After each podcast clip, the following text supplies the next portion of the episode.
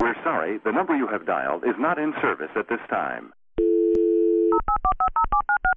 Welcome to Point of View.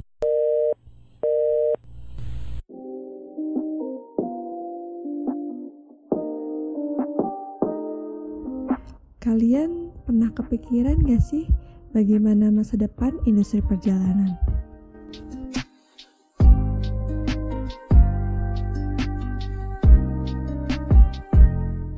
Assalamualaikum, Shalom, Om Swastiastu, Namo Buddhaya, Salam Kebajikan. Saya Nima Amalia Risha dan selamat datang di Point of View.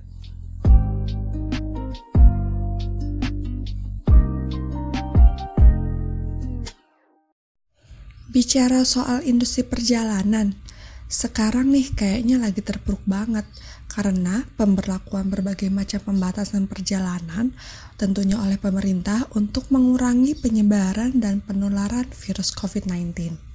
Dan dampaknya yaitu pembatalan penerbangan, reservasi hotel di cancel, dan semua tempat wisata ditutup. Juga ada salah seorang travel agent yang bilang bahwa Dampak pandemi ini luar biasa, terutama karena ini di luar dugaan. Karena pandemi datang tiba-tiba dan semua destinasi tutup, saya dan teman-teman yang sudah menerima banyak pesanan, bahkan sejak tahun lalu, tetapi karena wabah corona, tamu-tamu kita yang sudah melakukan pemesanan mulai membatalkan trip, bahkan sepanjang tahun ini. Aduh, sedih banget gak sih? Pandemi ini semakin lama menyebabkan banyak yang kehilangan pekerjaannya dan akan ada kebangkrutan dan konsolidasi dalam industri perjalanan. Dan ini sudah tampak jelas karena sudah banyaknya travel agent yang tutup dan hotel yang sama sekali tidak menerima reservasi. Tapi karena pandemi COVID-19 ini juga telah menciptakan perubahan baru yang sangat signifikan dalam pariwisata dunia. Para pelaku industri pariwisata terus menyadari perubahan dan pemerintah terus menghadirkan kebijakan-kebijakan baru yaitu pentingnya standar global dalam pelayanan kesehatan dan kebersihan bagi wisatawan.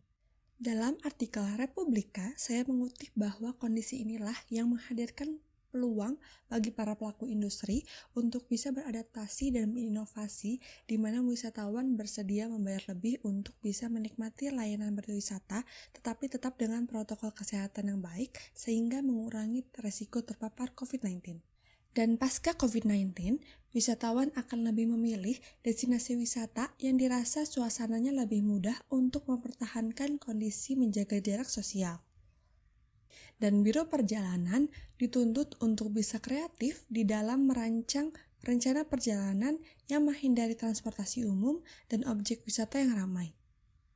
Misalnya, di dalam rencana perjalanan lebih difokuskan untuk mengunjungi objek wisata yang terpencil dengan menggabungkan wisata aktivitas olahraga, wisata kesehatan, ataupun wisata spiritual, yang mana wisatawan cenderung berada di zona yang minim kontak dengan orang lain.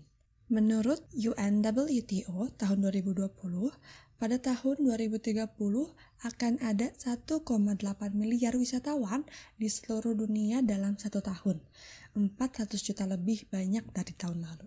Dan Hammond dalam jurnalnya berkata, 10 tahun dari sekarang diperkirakan jumlah penumpang maskapai akan berlipat ganda pada tahun 2040 dan wisatawan akan menuntut pengalaman perjalanan yang lebih cepat dan lebih efisien. Maka dari itu, perubahan tidak saja terjadi dalam destinasi wisata, tetapi juga mempengaruhi pada bagaimana cara orang melakukan perjalanan menuju dan dalam suatu destinasi. Diprediksikan pada tahun 2040, masa depan industri perjalanan sudah melakukan inovasi seperti check-in instan yang menggunakan pengenalan wajah, kereta super cepat dengan kecepatan di atas 125 mph, dan bahkan ruang angkasa sebagai destinasi pariwisata. Wisatawan akan terbang ke dan dari bulan secara teratur karena mereka mencari pengalaman melihat bumi dari luar angkasa. Keren banget gak sih?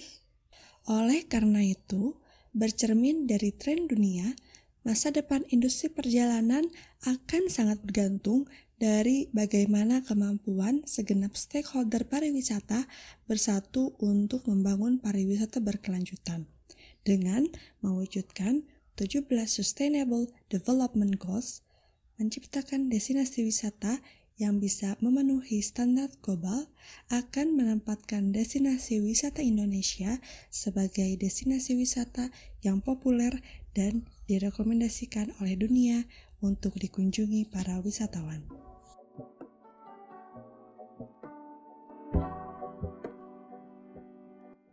Kalau menurut kamu, seperti apa sih masa depan industri perjalanan?